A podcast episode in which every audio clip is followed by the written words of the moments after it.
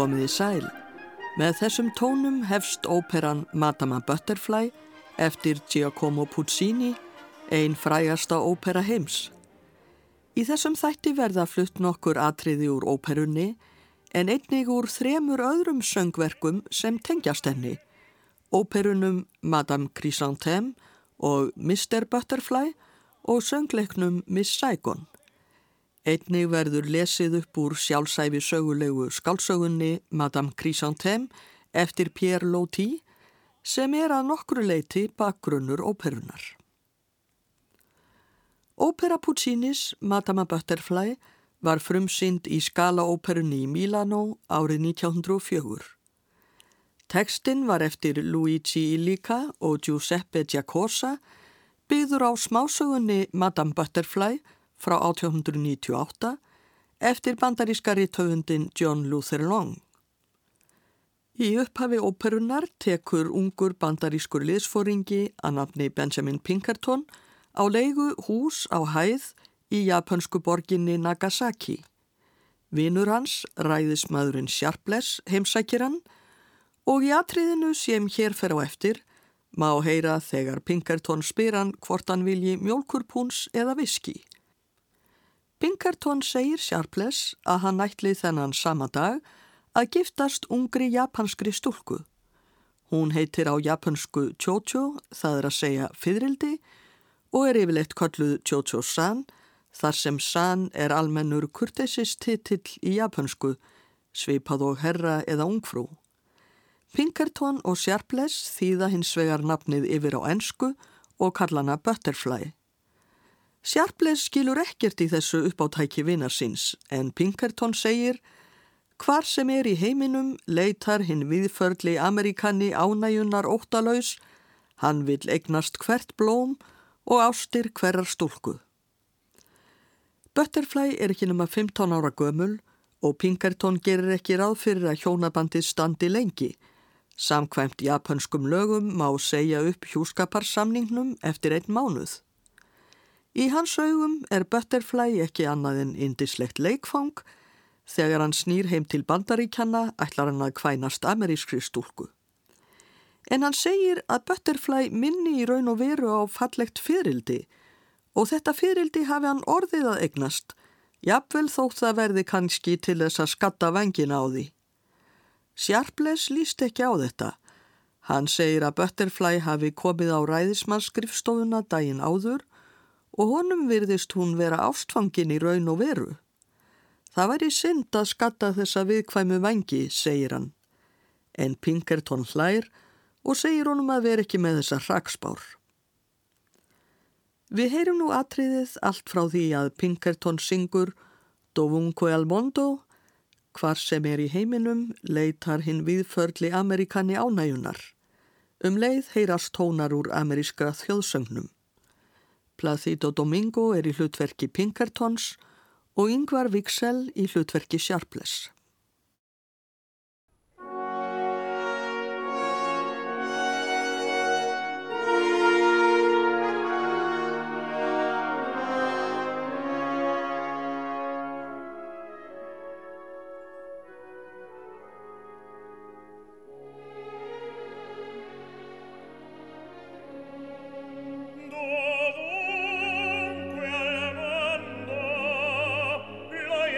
vagabondo si gode trafficando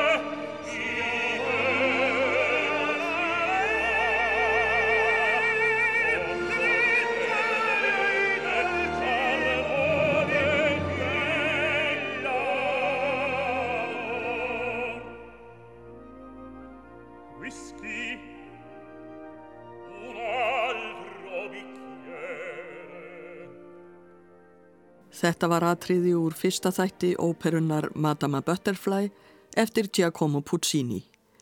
Placido Domingo var í hlutverki Pinkertons og Yngvar Víksel fór með hlutverk Sharpless. Hljómsveitin Filharmonia leg og Lorin Masel stjórnaði. Þegar Butterfly kemur á samt ættingum sínum verður það fljótt augljóst að hún er innilega ástfangin af Pinkerton og heldur í sakleysi sínu að hjónabandið muni vara um aldur og æfi. Þó að Pinkerton elski hann ekki á sama hátt er hann hrifin af henni og þegar þau eru orðin einum kvöldið syngja þau innilegan ástardúett. Við heyrum nú þennan duett sem hefst með orðum Butterfly, Volja Temi Bene, Elskaðu mig. Renata Scotto syngur Butterfly og Placido Domingo Pinkerton.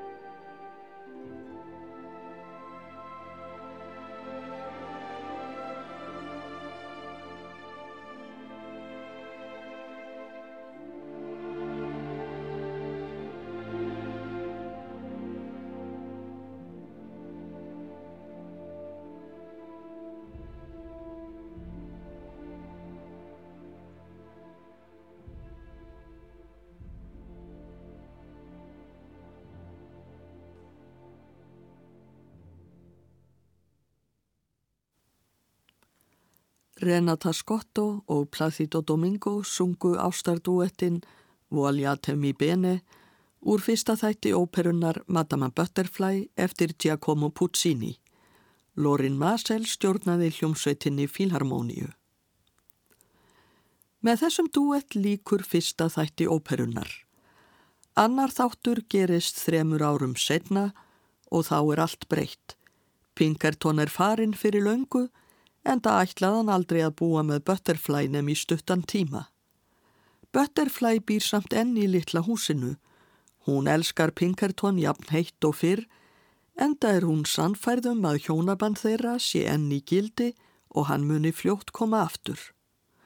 Þjónustustúlkan Suzuki reynir að láta sem hún trúi þessu líka en Butterfly heyrir á henni að hún evast um endur komu Pinkertons.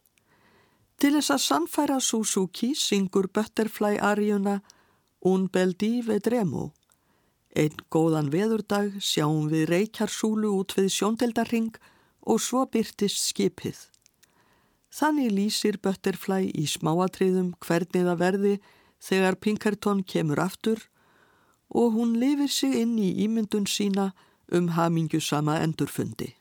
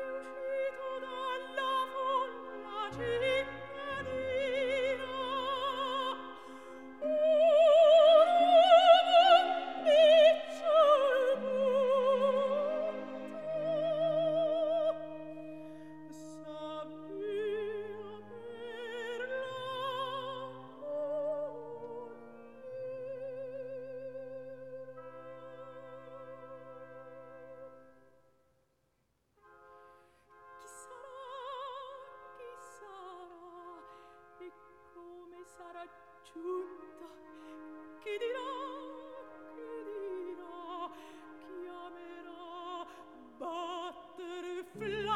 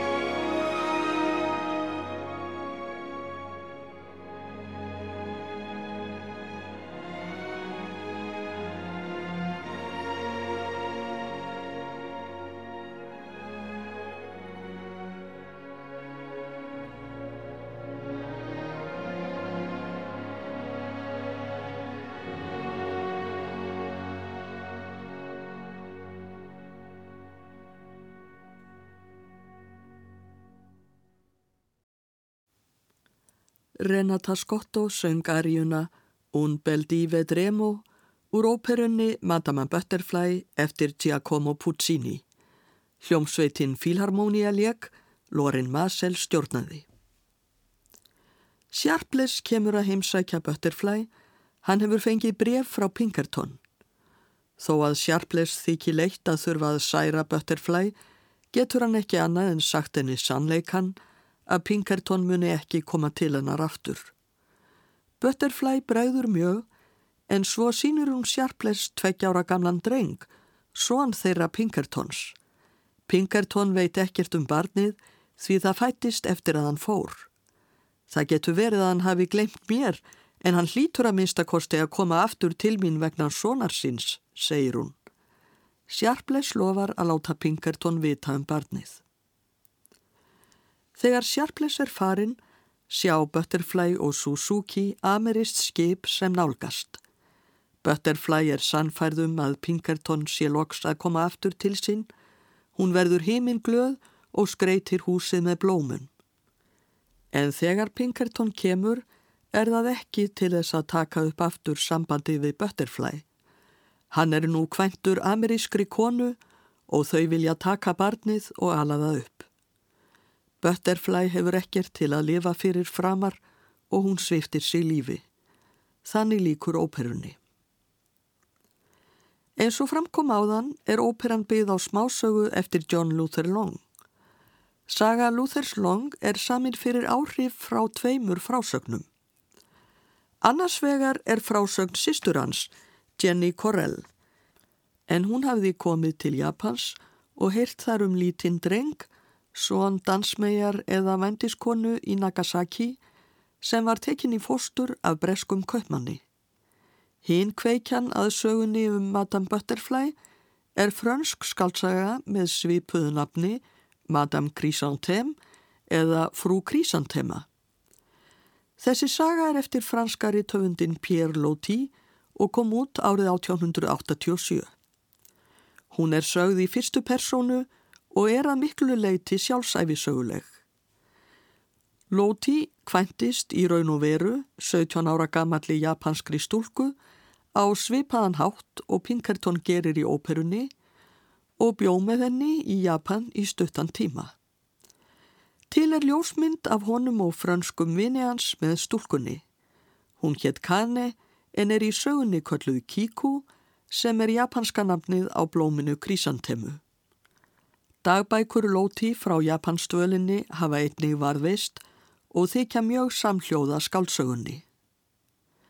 Það er hins vegar einn stór munur á sögu Lótis um Madame Chrysanthème og óperunni um Madame Butterfly. Hann er sá að í staðin fyrir hinna eldheitu ást sem Madame Butterfly ber til Pinkertons sjást þess ekki nokkur merki að Chrysanthema elski Lóti. Og Lóti elskar ekki heldur Chrysanthemu, hann finnur ekki einu sinni til þeirra hrifningar sem Pinkerton finnur þó fyrir. Hvers vegna fer hann þá að búa með henni? Skýringin á því kemur fram í inganginum á sögunni þegar Loti og vinnur hans Ív eru enn um borði í skipinu sem nálgast Japanstrendur.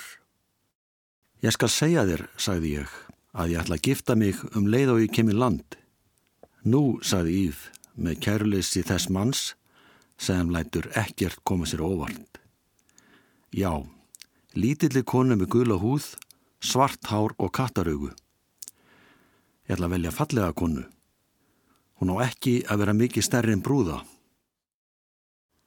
Lóti er sem sé búin að ákveða að stopna til síndarhjónabands með japanskri konu áður en hann hefur einu sinni séðana. Hann hefur hrifist af myndum, af fárum og fingerðum japanskum konum og lýsir því hvernig konan á að vera eins og hann sé að lýsa vöru sem hann ætla að kaupa. Hann gerir síðan það sama og Pinkerton í óperunni og lætur hjúskaparmiðlara útvega sér konuna. Þegar hjúskaparmiðlarinn kemur með 15 ára gamla stúlku að nafni Jasmína er Lóti hins vegar hundóanæður. Hún er ekki eins og hann hafði hugsað sér og svo finnst honum hún allt og ung. Í vinnur hans bendir honum þá á frængu Jasmínu stúlku sem situr út í horni. Satt að segja líst mér miklu betur á þessa. Augu með laung augnár, svo litið samankipruð augu, en væru samt köllu falleg í hvaðalandi sem er, næstum svipur, næstum hugsun. Þetta er krísantema og hún er aðeins eldri en Jasmína, átján ára gömul. Það er því krísantema sem Lóti gengur að eiga, en þau gera sér bæði ljóst að hjónabandið á aðeins að standa í stuttan tíma. Fyrir það borgar Lóti ákveðna upphæð. Þegar Lóti virðir fyrir sér japansku stúlkurnar vekja þær hjá honum þessar hugleðingar. Þær eru svo hlátumildar, svo kátar þessa litlu japansku brúður. Svo litið þvingu gleði að vísu, svo litið uppgerðalegu og virðist fölsk stundum, en samt hrífur hún mann. Krísantema er undatekning því hún er döpur. Hvað skildi vera að gerast inn í þessu litla höfði? Það sem ég kann í tungumáli hennar er ekki ennóu mikið til að komast að því. Auk þess þó er ég að veðja hundrað á móti einum að það gerist þar nákvæmlega ekki neitt. Og svo er mér líka alveg sama. Ég tók hana með til skemmtunar og vildi heldur að hún hefði eitt af þessum lítilsverðu áhyggjulösu andlinnum eins og hinnar. Það virðist síðan koma Lóti á óvart, þótt það hefði í rauninni mátt sjá það fyrir, að hann finnur ekki þá skemmtun sem hann hafði vonast eftir í hjónabandinu með krísantemu, því síður ást eða hamingju. Þótt krísantema sé lagleg og kurteis og standi við sinn hluta samningsins, myndast engin væntum því kjá millið þeirra. Hún sýnir litlar tilfinningar og það er ekki laust við að Lóti finnist hún hálf leiðileg. Hann veldir því hins vegar fyrir sér hvort í vinur sinn sé hugsanlega orðin ástfangin af henni eða hún af honum. Þegar hann segir krísantemu eftir nokkur að vikna sambúð að þeir Ív séu að fara burt með skipinu, finnst honum koma á hana svo litill hreðarsveipur. Ætlið að sé út af Ív, hugsar hann. Haldin er kveðjuveisla, en þegar Lóti ætlar að leggja af stað til skips er krísantema óvenju hlíleg við hann og þar sem skipið á ekki að fara fyrir en daginn eftir, býður hún hann að koma við hjá sér um morgunin til þess að kveðja sig endanlega. Lóti gerir þetta, en þegar hann nálgast herbergi krísantemu, heyrir hann hann að syngja gladlega og svo heyrir hann glamur í peningum sem hann botnar ekki almennilega í. Þegar hann gæjist inn, sér hann að krísantema er að skemta sér við að henda peningunum sem hann hefur borgað henni í gólfið og slá í þá með hamri til þess að heyri þeim hljóminn.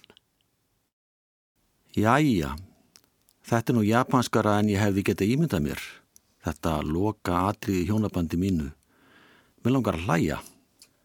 Hvað ég var barnalegur að láta blekkjast af nokkrum velvöldum orðum sem hann kvíslaði mér í gær. Af vinalegri setningu sem kyrð og töfra næturana getu meiri fegurð. Hún ber ekki tilfinninga til Ív frekar en til mín. Ekki til mín frekar en Ív. Ekkert hefur nokkuð tíma átt sér stað inn í þessum litla heila, þessu litla hjarta. Þannig var kveðjustund Lótís og Krísantemu samkvæmt bókinni Madame Chrysanthème eftir Pierre Lótí. Varla er hægt að hugsa sér nokkuð ólíkara hinni innilegu ást og trygglindi sem Madame Butterfly sínir Pinkerton. Hins vegar er dálítið broslegt að Lóti skildi ætlast til þess að Krísantema bæri heitari tilfinningar í brjósti til hans en hann til hennar. Madama Butterfly tengist að vísu ekki sögu Lótís nema óbeint.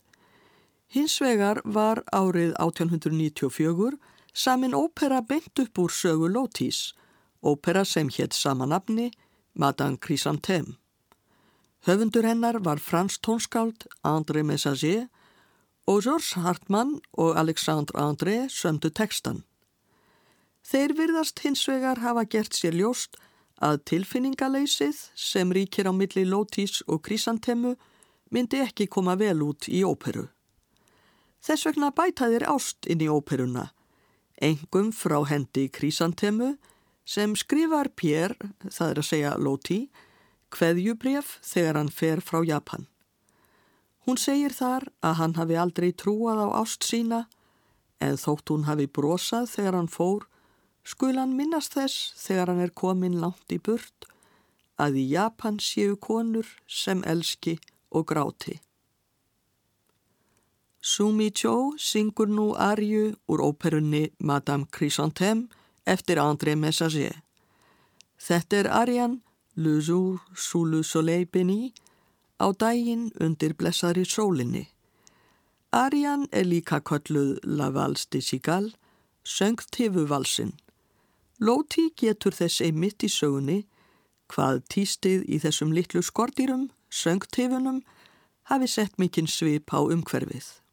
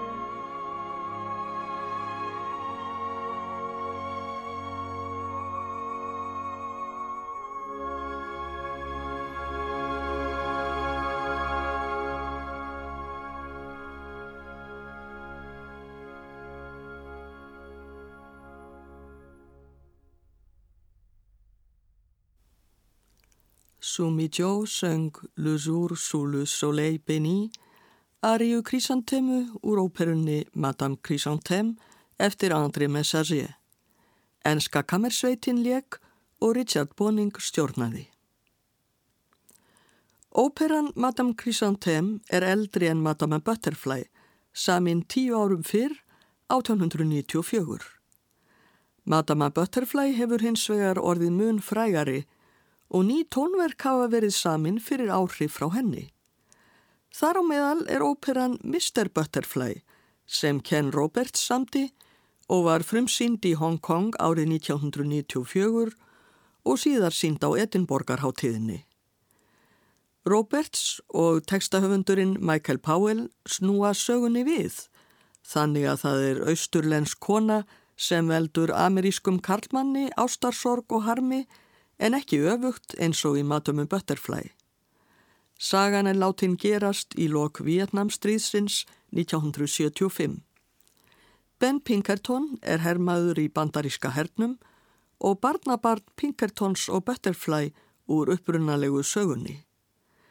Hann er í þann veginn að halda burt frá Vietnam þegar hjúskaparmiðlari kemur til hans og byður hann að hjálpa ungri vietnamskri stúlku, Söru Lý, með því að giftast henni og taka hana með sér til Ameríku. Sara Lý hafi unnið fyrir bandaríkjamenn og þess vegna sé henni mikil hættabúin af hendi norður vietnamska hersins. Ben híkar en honum verður þá hugsað til hinnar japansku ömmu sinnar og slæmri framkomu afasins og nafna við hana. Honum finnst hann geta bætt fyrir þetta með því að hjálpa Sörulí og samþykir til löguna. Hér kemur atriðið þar sem hjúskaparmiðlarinn ávarpar Ben með orðunum Excuse me sir, you help me. Afsakið herra, vil ég þér hjálpa mér. Paul Badley syngur Ben Pinkerton, Elaine Holden hjúskaparmiðlaran og í lokin heyrist aðeins í Söru Jane Dale í hlutverki Söru Lý.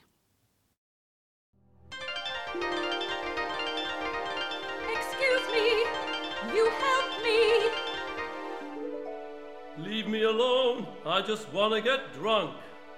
But I need your help.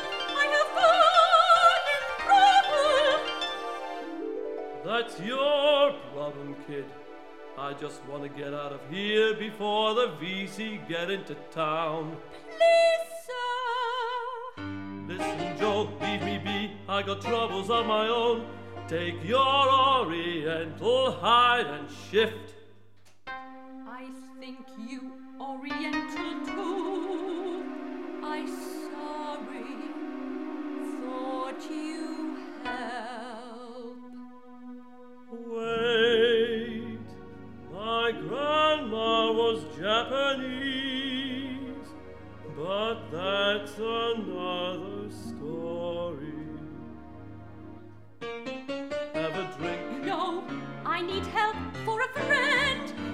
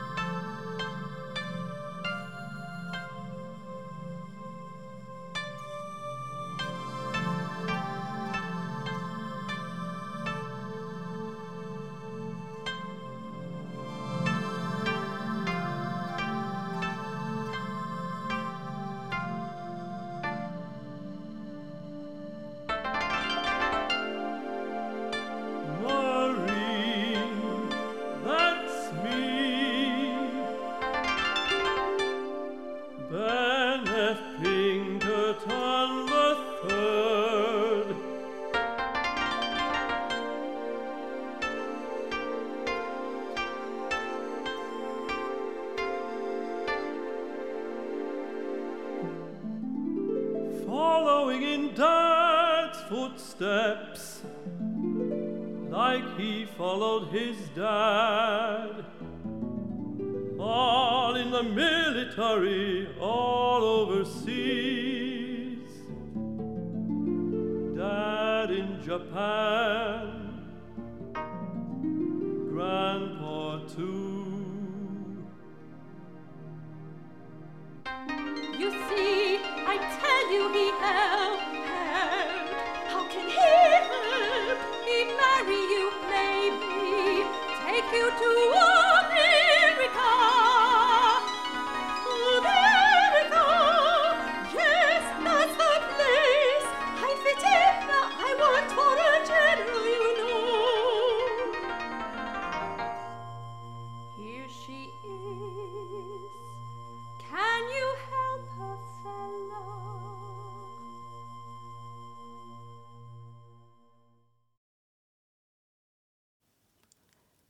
Þetta var atriði úr óperunni Mr. Butterfly eftir Ken Roberts. Paul Badley var í hlutverki Benz Pinkerton, Eileen Holden söng hjúskaparmiðlara og Sarah Jane Dale söng Söru Lee. Tónskáldið Ken Roberts sá um undirleikin. Ben og Sarah Lee giftast og flytjast til bandaríkjana. Ben verður ástfangin af Söru Lee en hún endurgeldur ekki ást hans og þegar hún skilur við hann og tekur með sér barnið sem þau eiga saman, sviftir Ben sig lífi eins og Butterfly amma hans hafði gert löngu áður. Annað söngverk sem er samið fyrir áhrif frá Matumu Butterfly er söngleikurinn Miss Saigon með tónlist eftir Claude Michel Schoenberg og texta eftir Alain Boublil. Þar er sagan einni látin gerast á tíma Vietnamstríðsins. Ung vietnamsk stúlka, Kim, verður ástfangin af bandarískum sjóliða, Chris Scott, og vil fara með honum til Ameríku. Hann elskar hana líka í fyrstu, en þegar hann er komin til Ameríku, giftist hann amerískri konu eins og Pinkerton í óperunu Matumu Butterfly. Við ljúkum þessum þætti með ástardúett sem Kim og Chris syngja í söngleiknum Miss Saigon. Sun and Moon, Sól og Tungl. Patricia Nessi og David Michael Johnson syngja, hljómsveit Suðvestur Þíska útvarsins í Kæsersláten leikur og Peter Falk stjórnar. Ég þakka hlustendum samfélgina, verði sæl.